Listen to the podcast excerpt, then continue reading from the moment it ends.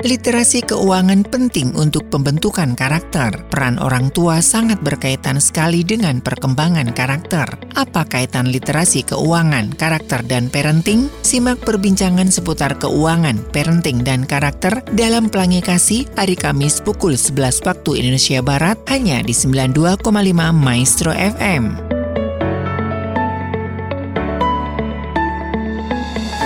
92,5 Maestro FM House with the Sound. Shalom dan apa kabar Sobat Maestro? Berjumpa lagi di program Pelangi Kasih Spesial Ngobrol KPK ngobrol parenting, keuangan, dan karakter. Bersama saya Ari dan tentunya ada Profesor Chandra Cahyadi, PhD, Professor of Finance at Eastern Illinois University, USA. Dan bagi Sobat Maestro yang ada pertanyaan ya, bisa langsung SMS ke 081321000925 atau bisa komen langsung di Ngobrol KPK YouTube channelnya Profesor Chandra ya atau langsung ke Instagramnya Ngobrol KPK. Kita masih membahas bukunya Profesor Chandra ya tentang Financial Wisdom for Your Kids dan ini tentunya sesuatu yang penting ya bagi kita sebagai orang tua. Nah, seperti apa sebetulnya peranan orang tua di dalam financial education? Jangan ke mana-mana, tetap di Pelangi Kasih Spesial Ngobrol KPK.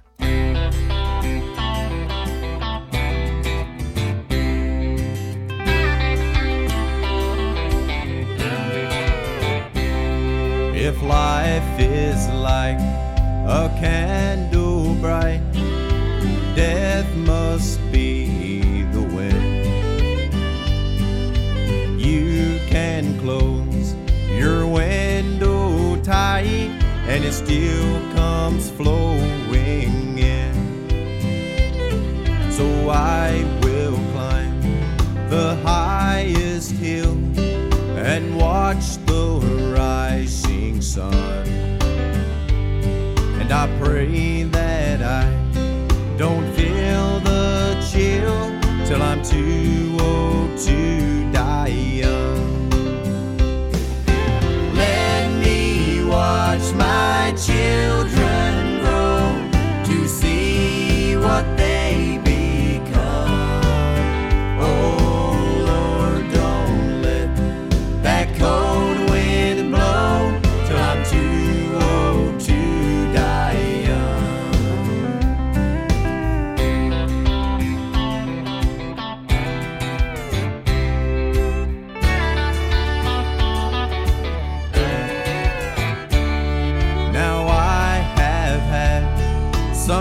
dear sweet friends I thought would never die.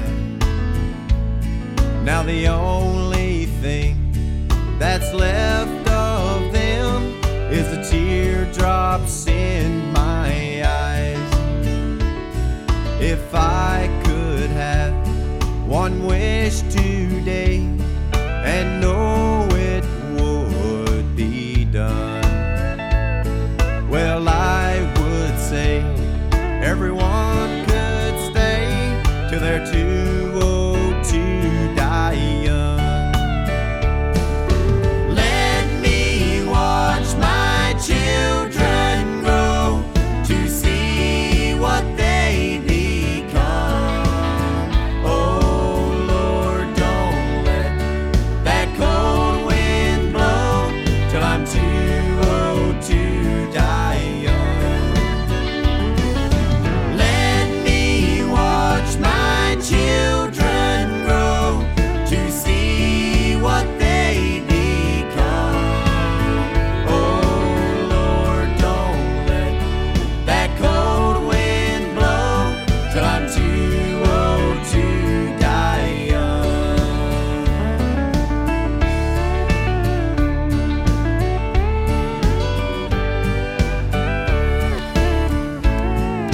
92,5 Maestro FM House with the Sound masih di Pelangi Kasih spesial Ngobrol KPK bersama saya Ari dan juga Profesor Chandra Cahyadi PhD, Professor of Finance at Eastern Illinois University USA dan juga penulis buku Financial Wisdom for Your Kids ya buat Anda yang ingin mendapatkan bukunya bisa langsung direct message ya atau DM ke Instagramnya Profesor Chandra atau bisa langsung SMS atau WhatsApp di 081321000925. Kita membahas peran orang tua di dalam financial education. Sobat Maestro, anak adalah generasi penerus bangsa.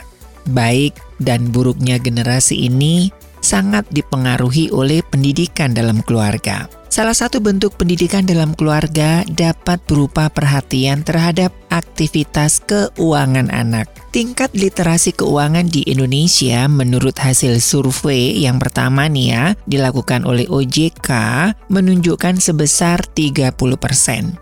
Untuk meningkatkan financial education, perlu diawasi oleh orang tua yang menjadi pendidik pertama di keluarga dalam memberikan pengetahuan mengenai financial education pada anak. Sementara ada hasil riset dari Financial Fitness Index menunjukkan tingkat literasi keuangan di Indonesia tahun 2021 ini sudah naik Sobat Maestro sebesar 38 persen.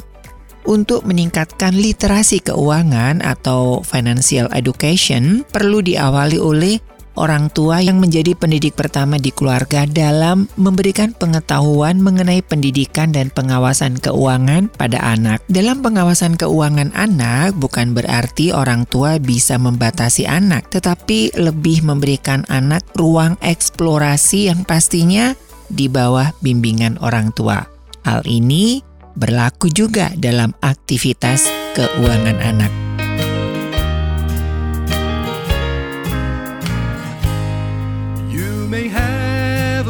Fancy car, a brand new house that shines by far. You may live to be a hundred years old. But if you have not been saved, it all ends with the grave. But I want us to be together in heaven. I want us to be together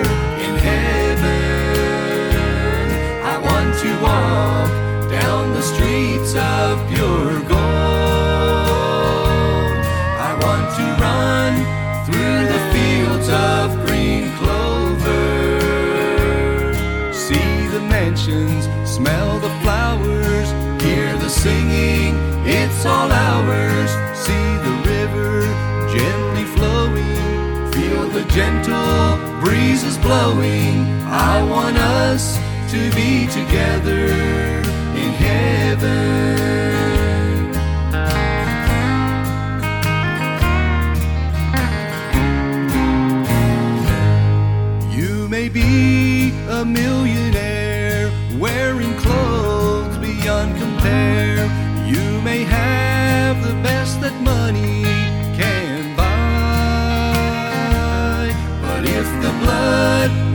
not then in hell you'll lift your eyes. But I want us to be together in heaven.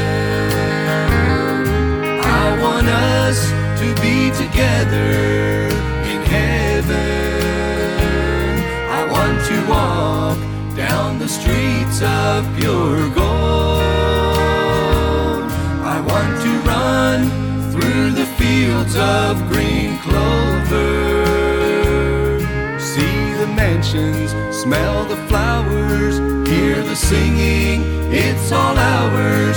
See the river gently flowing, feel the gentle breezes blowing. I want us to be together in heaven.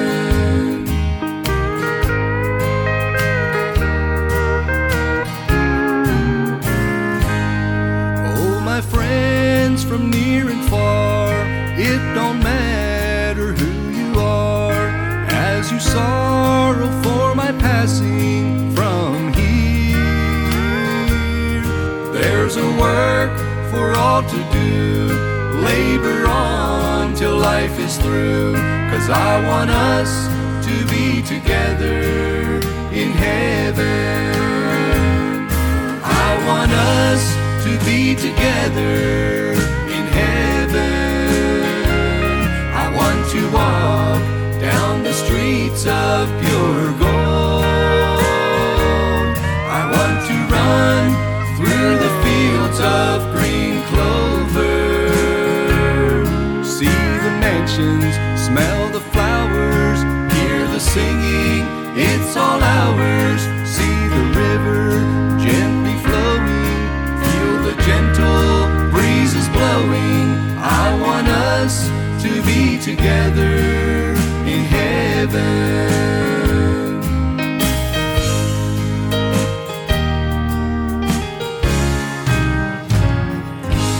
Sobat Maestro, setiap orang tua meyakini bahwa anak mereka dilahirkan sebagai orang yang jenius yang memiliki kecerdasan. Namun seiring berjalannya waktu, kejeniusan anak itu berbeda dengan saat ia dewasa. Tergantung bagaimana stimulus yang diberikan kepada anak. Pada sebuah keluarga, orang tua sebagai pendidik pertama dan utama bagi anak yang sangat berperan dalam proses perkembangan anak dalam mengembangkan karakter hingga anak menjadi dewasa.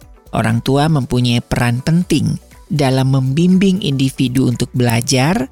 Perhatian orang tua dalam pendampingan saat belajar akan menumbuhkan sikap percaya diri pada anak, sehingga menumbuhkan motivasi belajar pada anak.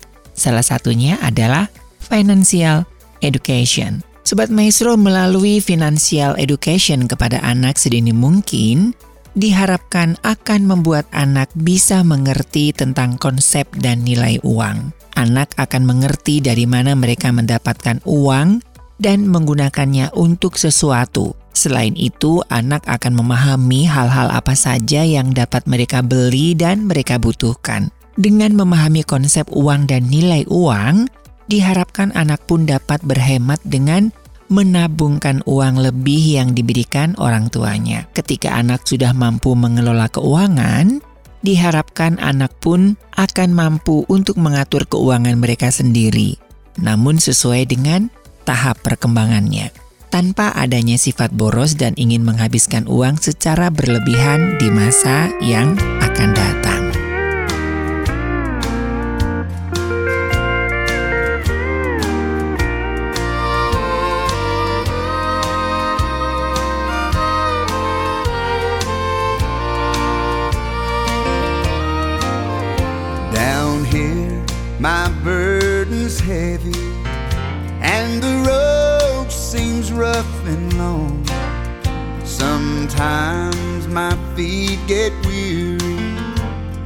So sore.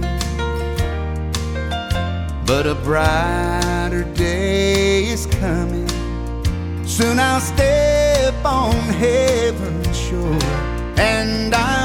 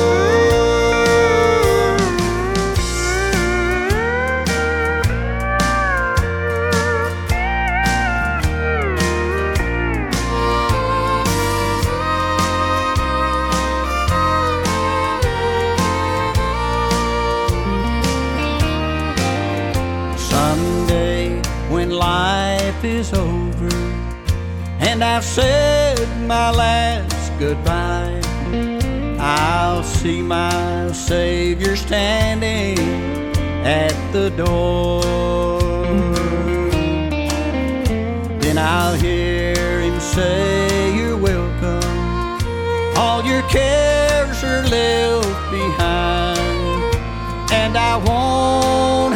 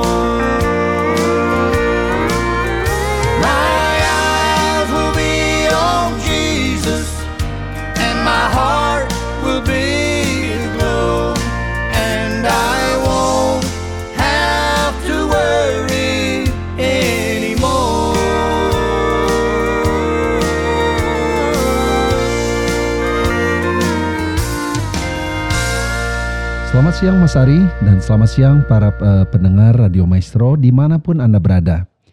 Uh, minggu kemarin kita sudah membahas mengenai sekolah keuangan untuk anak-anak kita. Nah jadi hari ini kita akan membahas beberapa tips praktis untuk anak-anak Anda untuk mengajarkan keuangan kepada mereka dan bagaimana kita bisa mendampingi anak-anak kita menjadi personal financial trainer dari anak-anak kita. Nah, jadi ada beberapa tips yang perlu Anda tahu. Yang pertama adalah saya ingin supaya Anda mulai mengambil waktu ya, misalnya ambil waktu seminggu sekali untuk spend waktu bersama dengan anak Anda. Nah, selama pertemuan ini saya minta supaya Anda juga bisa memastikan semua gadget dan mulai mencoba menikmati waktu bersama anak Anda secara full. Nah, saya juga percaya kalau Anda meeting dengan seorang yang sangat penting dengan rekan bisnis Anda, Anda tidak mungkin kan main HP selama meeting itu. Dan ingat bahwa anak Anda itu jauh lebih penting dari rekan bisnis Anda atau orang penting siapa pun juga. Nah, tips kedua adalah selama meeting dengan anak Anda, jangan mencela pendapat anak Anda. Jangan memotong saat anak Anda sedang bicara. Nah, memang ini satu hal yang sangat sulit, apalagi kalau kita sudah terbiasa di kantor memberikan perintah kepada anak buah kita. Nah, tapi tujuan dari pertemuan bersama dengan anak-anak ini adalah untuk Anda memberikan kepada dia kesempatan untuk mengekspresikan pendapatnya, belajar berkomunikasi, dan juga Anda membangun rasa percaya diri dia. Jadi berikan kebebasan bicara kepada anak Anda. Dan jangan mendominasi pembicaraan Anda berdua dengan anak Anda dan pakai kesempatan berharga tersebut dengan sebaik-baiknya. Tips berikutnya adalah coba Anda diskusikan dengan pasangan Anda tentang pentingnya menjadikan keluarga Anda sebagai sekolah keuangan bagi anak-anak. Banyak e, masalah terjadi itu ketika kedua pasangan orang tua tidak sepakat dalam masalah pendidikan keuangan untuk anak. Jadi, coba ambil waktu dengan pasangan Anda untuk mempunyai satu kepahaman atau kesepakatan di dalam masalah mengajar keuangan kepada anak. Next, coba Anda diskusikan dan sepakati dengan pasangan Anda nilai-nilai apa saja yang Anda berdua perlu ajarkan kepada anak-anak tentang masalah keuangan. Berikutnya adalah diskusikan dan sepakati dengan pasangan Anda cara terbaik mengajar anak tentang nilai-nilai utama kehidupan, terutama yang berkaitan dengan masalah keuangan. Tips berikutnya adalah luangkan waktu untuk mengenal lebih baik orang-orang yang ada di sekitar anak-anak Anda, karena Anda ingin memastikan bahwa anak-anak Anda mendapatkan satu influence yang positif dan nilai-nilai yang mereka ajarkan kepada anak-anak Anda itu sesuai dengan nilai-nilai yang Anda dan pasangan pegang. Dan yang terakhir adalah usahakan supaya Anda selalu punya waktu, walaupun sebentar, untuk e, meluangkan waktu bersama anak-anak Anda. Ingat bahwa yang mereka butuhkan itu bukan jaminan hidup, bukan uang Anda, tapi kehadiran Anda. Saya mengerti bahwa kadang-kadang kita sulit untuk berkata ya kepada anak-anak kita. Kadang-kadang kita merasa bahwa urusan yang sedang kita lakukan itu jauh lebih penting daripada kita menanggapi anak-anak kita. Jadi ada satu perkataan yang dulu saya pernah dengar yang mengubah pikiran saya tentang meluangkan waktu dengan anak. Jadi perkataan tersebut mengatakan bahwa belajarlah untuk berkata tidak kepada hal-hal yang kurang penting, sehingga kita mempunyai kemampuan dan kapasitas untuk berkata "ya" kepada hal-hal yang jauh lebih penting. Nah, semoga semua tips yang saya tadi bagikan itu bisa menolong Anda untuk menjadikan keluarga sebagai sekolah keuangan bagi anak-anak Anda. Dalam pembicaraan kita sebelumnya, kita sudah membahas mengenai peranan keluarga sebagai sekolah keuangan bagi anak kita dan pentingnya punya kurikulum dalam sekolah keuangan ini. Dalam pembicaraan kita kali ini, saya ingin fokus membahas peranan Anda sebagai orang tua dalam sekolah keuangan ini. Jadi sekali lagi kita akan bahas mengenai peranan Anda sebagai orang tua dalam sekolah keuangan ini. Nah, Anda perlu mengingat bahwa peranan Anda sebagai orang tua itu sangatlah besar dan dominan. Bahkan bisa dikatakan peranan Anda itu sangat sentral. Karena Anda adalah kepala sekolah, sekaligus pengajar, bahkan juga sekaligus pembuat kurikulumnya. Dan semua peranan tersebut masuk dalam dua peranan utama, yaitu uh, personal financial trainer dan personal financial planner. Di dalam pembicaraan kita ini, kita saya akan menjelaskan kepada Anda mengenai peranan Anda sebagai personal financial trainer atau personal financial PT ya, tapi dalam masalah keuangan. Nah, untuk menjelaskan peranan ini, saya akan menggunakan analogi personal trainer yang kita kenal sehari-hari, PT, yang membantu kita mencapai tujuan kesehatan kita atau fitness kita sewaktu kita berlatih di gym. Nah, apa itu personal trainer? Kalau Anda termasuk orang yang suka nge-gym, kehadiran seorang personal trainer pasti akan sangat membantu kemajuan dan program latihan Anda. Karena seorang PT yang baik itu akan membantu Anda mencapai tujuan kesehatan atau bentuk tubuh yang ideal dengan cara mereka memberikan porsi latihan yang tepat dan nasihat nutrisi yang terperinci.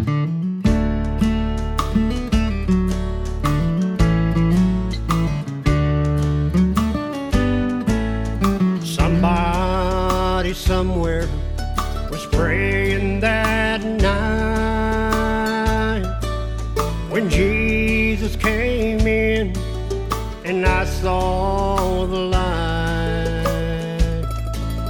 It must have been Mama. I've heard her before as she knelt by her bedside.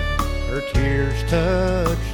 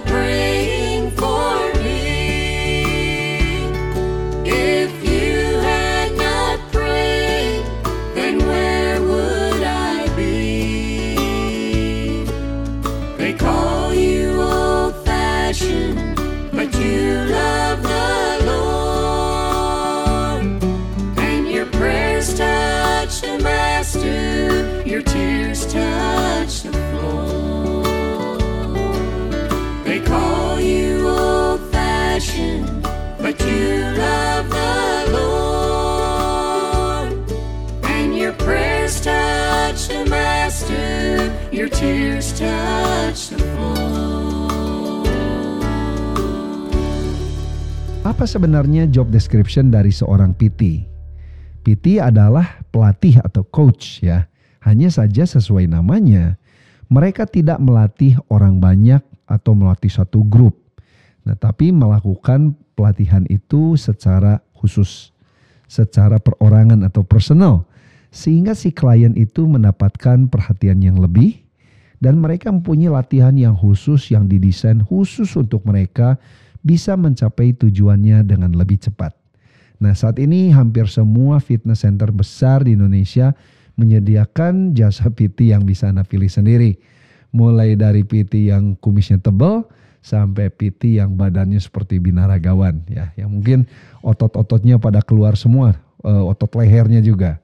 Nah, apa hubungan antara fitness dan keuangan? Kalau diumpamakan, keluarga itu adalah umpamanya sebuah fitness center tempat anak Anda melatih otot-otot finansialnya supaya kuat. Sama seperti kita membutuhkan bantuan seorang PT saat kita lagi nge-gym untuk memberitahu Anda alat apa saja yang harus digunakan atau nutrisi apa saja yang harus diikuti, misalnya supaya Anda punya uh, bagian atau bentuk tubuh yang lebih ideal. Nah, anak Anda juga membutuhkan Anda sebagai PT keuangan mereka. Mereka butuh nasihat dan pengalaman keuangan Anda. Mereka juga butuh Anda memberitahu latihan keuangan apa saja yang harus mereka jalani supaya otot finansial mereka menjadi kuat ya. Nah, sekarang pertanyaannya adalah skill apa yang dibutuhkan? Nah, kalau Anda berpikir bahwa seorang PT itu cukup bermodal otot besar saja, itu Anda salah besar.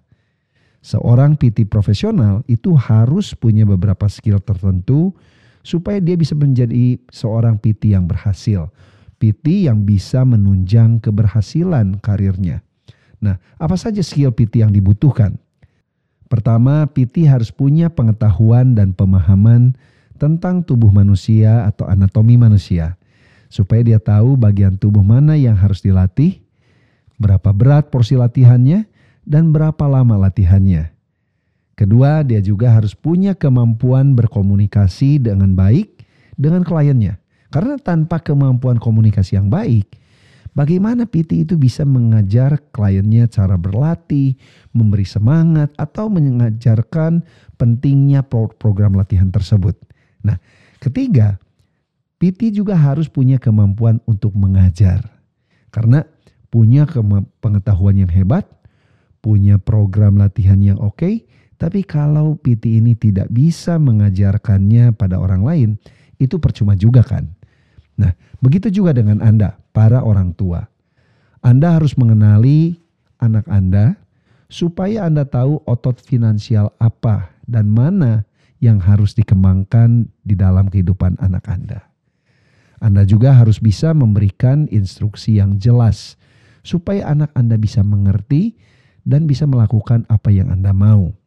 Dan juga Anda harus punya kemampuan untuk melatih dan juga memotivasi anak Anda ketika mereka sedang malas berlatih. Nah, mungkin ada teman-teman di sini yang bertanya, "Kenapa saya harus mengajar anak saya tentang keuangan?" Saya juga dulu tidak diajar kok oleh orang tua saya, tapi saat ini saya tetap bisa sukses dalam kondisi keuangan saya. Well, Mungkin jawabannya kalau Anda dulu belajar keuangan, Anda saat ini bakal jauh lebih sukses dari kondisi Anda sekarang.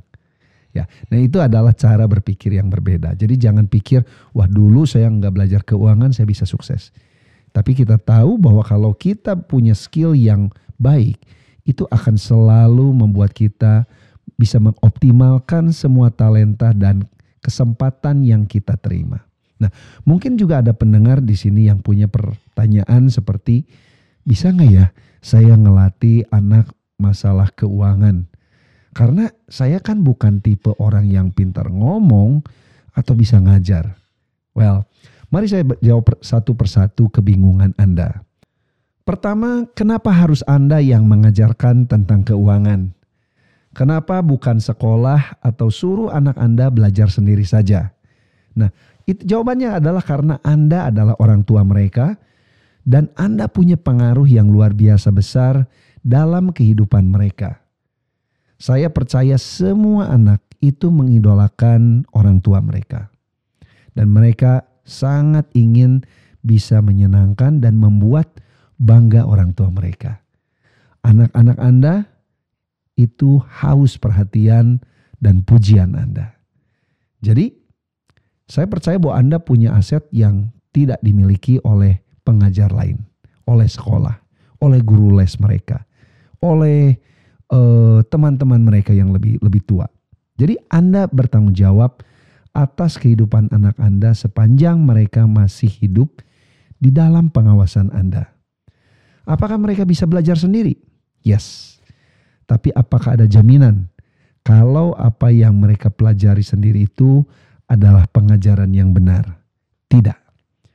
Bukankah kita akan menghemat waktu dan tenaga kalau kita mengajarkan hal yang benar karena kita tidak perlu mengkoreksi kesalahan mereka yang tidak perlu. Apa Anda tega membiarkan anak Anda menderita harus belajar sendiri tentang cara mengeluar, mengelola uang dengan benar dari kesalahan mereka? Nah, kalau kita bisa mencegah mereka untuk melakukan kesalahan yang tidak perlu, kenapa tidak? Nah, tadi pertanyaan kedua adalah bagaimana kalau Anda ini bukan orang yang bisa mengajar? Nah, saya percaya bahwa setiap orang tua itu adalah pengajar alami. Nah, apakah Anda ingat ketika Anda melatih anak Anda makan sendiri? Atau bagaimana waktu Anda melatih mereka berdiri dan jalan sendiri? Atau bagaimana saat Anda mengajar mereka naik sepeda? Saya masih ingat waktu kecil saya sering jalan kaki bersama ayah saya. Ayah saya sering marah karena saya sering berjalan dan menyeret sandal saya sehingga sandal saya itu cepat rusak. Nah, walaupun saya tidak melihat ayah saya sebagai figur guru ideal di mana dia bisa mengajar dengan lemah lembut, dengan penuh kesabaran, tapi apa yang ayah saya ajarkan berpuluh-puluh tahun yang lalu itu masih tetap saya ingat sekarang. Dan bahkan saya teruskan kepada anak saya. Saya mengajar mereka untuk tidak menyeret sendal mereka saat mereka jalan kaki. Nah, untuk mengajar anak, jadi intinya kita tidak perlu jadi guru yang hebat, ya. Yang penting Anda mengasihi anak Anda. Nah, jadi Anda lihat di sini ternyata Anda itu bisa mengajar. Jadi percayalah bahwa Anda adalah guru terbaik bagi anak Anda. Kenapa?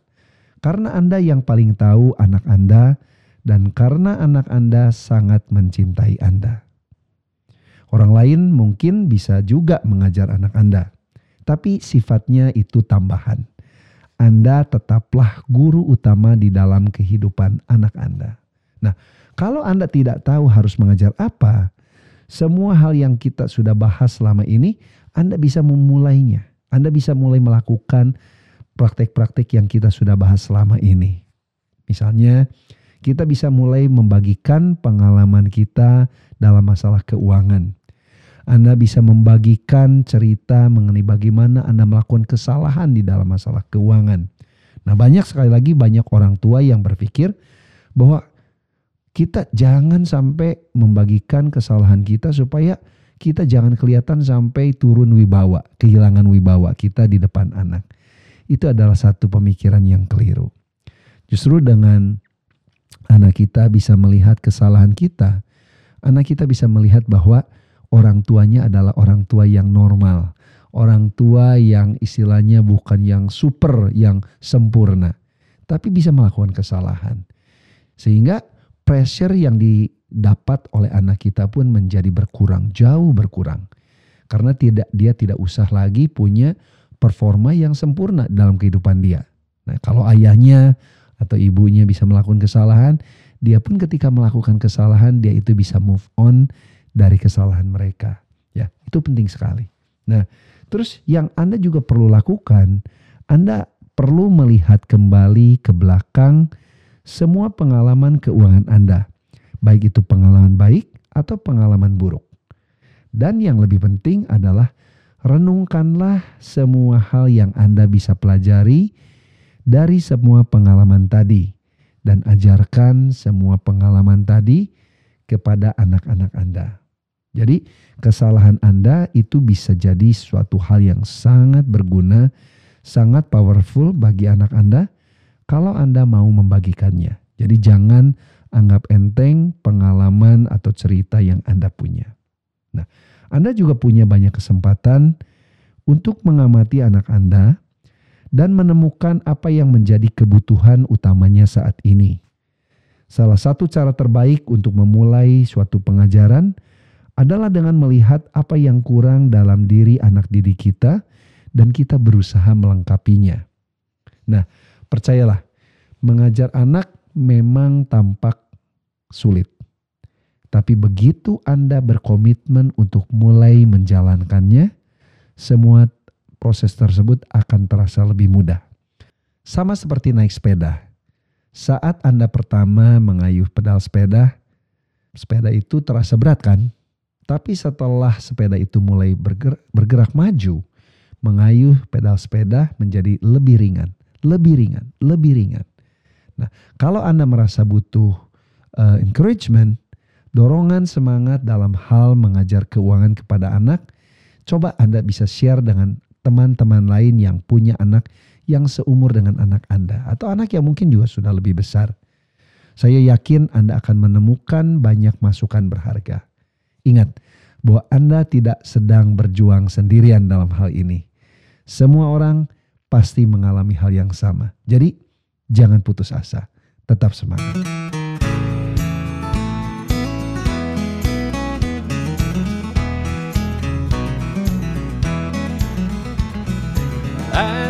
I travel through this pilgrim land, there is a friend who walks with me. Leads me safely through the sinking sand. It is the Christ of Calvary. This would be my prayer, dear Lord, each day to help me do the best I can. For I need thy light to guide me day and night. Blessed Jesus, hold my hand. Jesus, hold my hand. I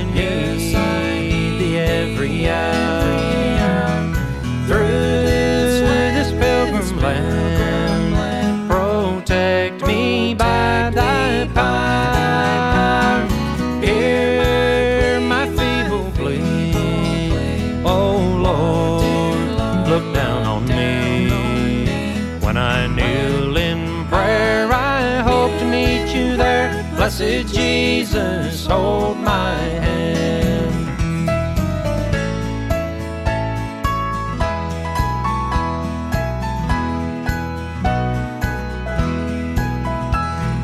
Let me travel in the light divine that I may see the blessed way.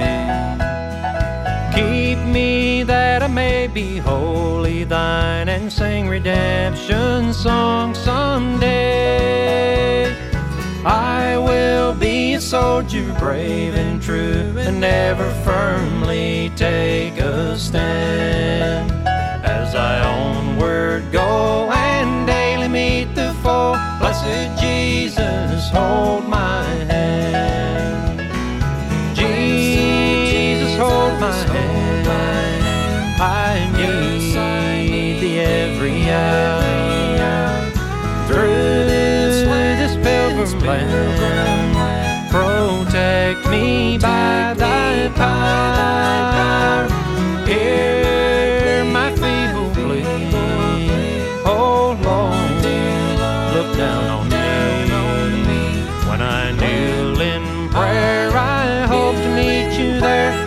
Blessed Jesus, hold my hand.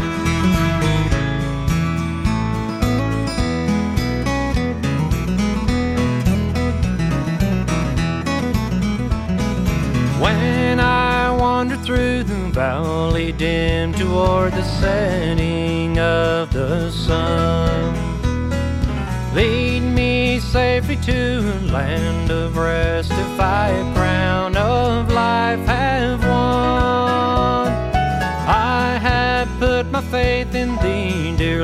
that I may reach the golden strand. There's no other friend on whom I can depend. Blessed Jesus, hold my hand.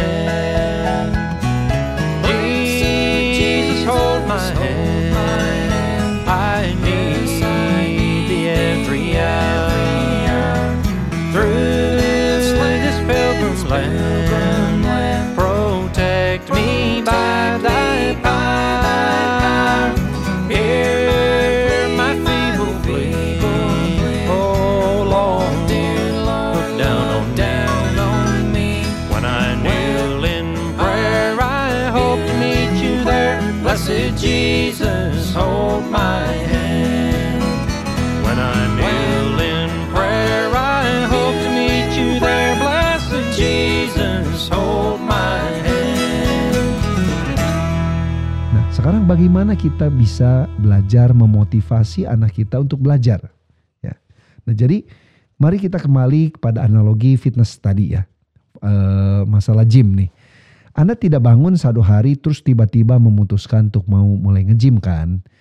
Anda pasti terlebih dahulu termotivasi untuk pergi ke gym. Mungkin karena melihat teman Anda yang punya badan yang bagus atau melihat postingan teman di media sosial dan Anda memutuskan untuk mulai ke gym. Di sana Anda bertemu PT yang bisa memotivasi Anda untuk berlatih. Jadi biasanya motivasi manusia untuk berubah itu datang dari luar, external motivation. Lalu setelah melihat sedikit hasil perubahan, motivasi dalam diri sendiri itu yang mulai terbangun atau internal motivation. Nah, proses pembangunan motivasi yang sama juga terjadi dalam kehidupan anak Anda. Anak kita adalah pembelajar alami, khususnya di usia mereka yang masih kecil.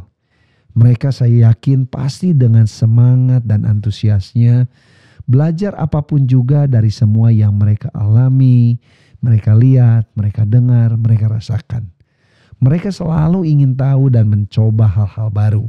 Tapi kalau ditangani dengan cara yang salah, maka semangat belajar ini bisa padam. Anda tentu sering mendengar bagaimana anak malas belajar, bukan? Kenapa bisa begitu? Salah satu sebabnya adalah karena mereka kehilangan motivasi belajar. Sekolah adalah beban bagi mereka. Jadi pelajaran yang mereka terima seakan tidak ada daya tariknya lagi. Jadi pastikan jangan sampai hal negatif ini terjadi dalam kehidupan anak Anda.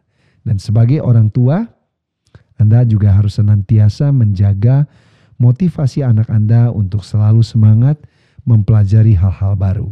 Nah, jadi minggu depan kita akan membahas mengenai cara memberi semangat kepada anak-anak kita.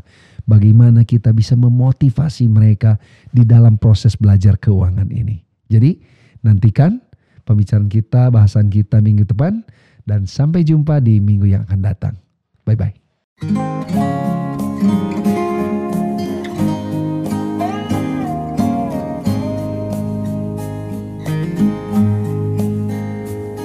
If Jesus comes tomorrow to spend some time with you, would you answer all his questions or lie to hide the truth?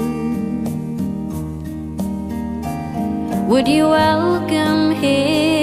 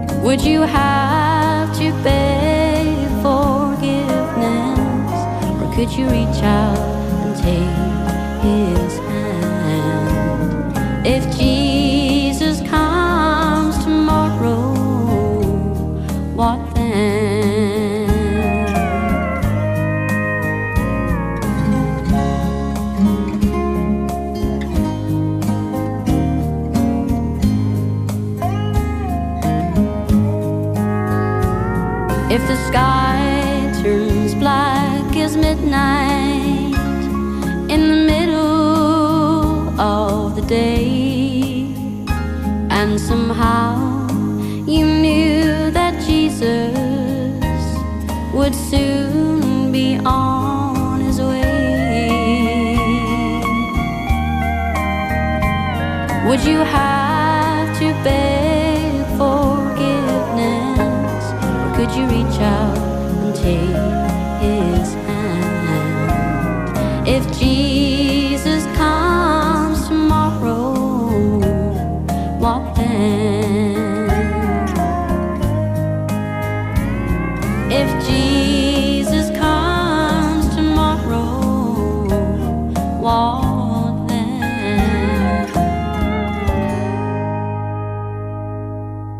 Sobat Maestro, literasi keuangan adalah kemampuan atau pengetahuan mengenai keuangan serta cara menerapkannya dalam kehidupan sehari-hari guna memenuhi kebutuhan hidup. Literasi keuangan sejatinya memiliki dimensi utama, antara lain general knowledge atau pemahaman dasar keuangan, pemahaman saving and borrowing ya atau tabungan dan pinjaman, pemahaman mengenai insurance ya atau asuransi, pemahaman investment atau investasi. Temuan dalam sebuah penelitian, penggunaan uang yang dilakukan anak-anak terkadang tidak terarah sehingga cenderung menimbulkan hal-hal negatif yang tidak baik. Hal ini terjadi karena kurangnya pengetahuan anak-anak mengenai literasi keuangan dan peran orang tua sangat vital dalam membentuk, mengarahkan, serta membimbing perilaku keuangan anak melalui pemberian pendidikan dan pemahaman mengenai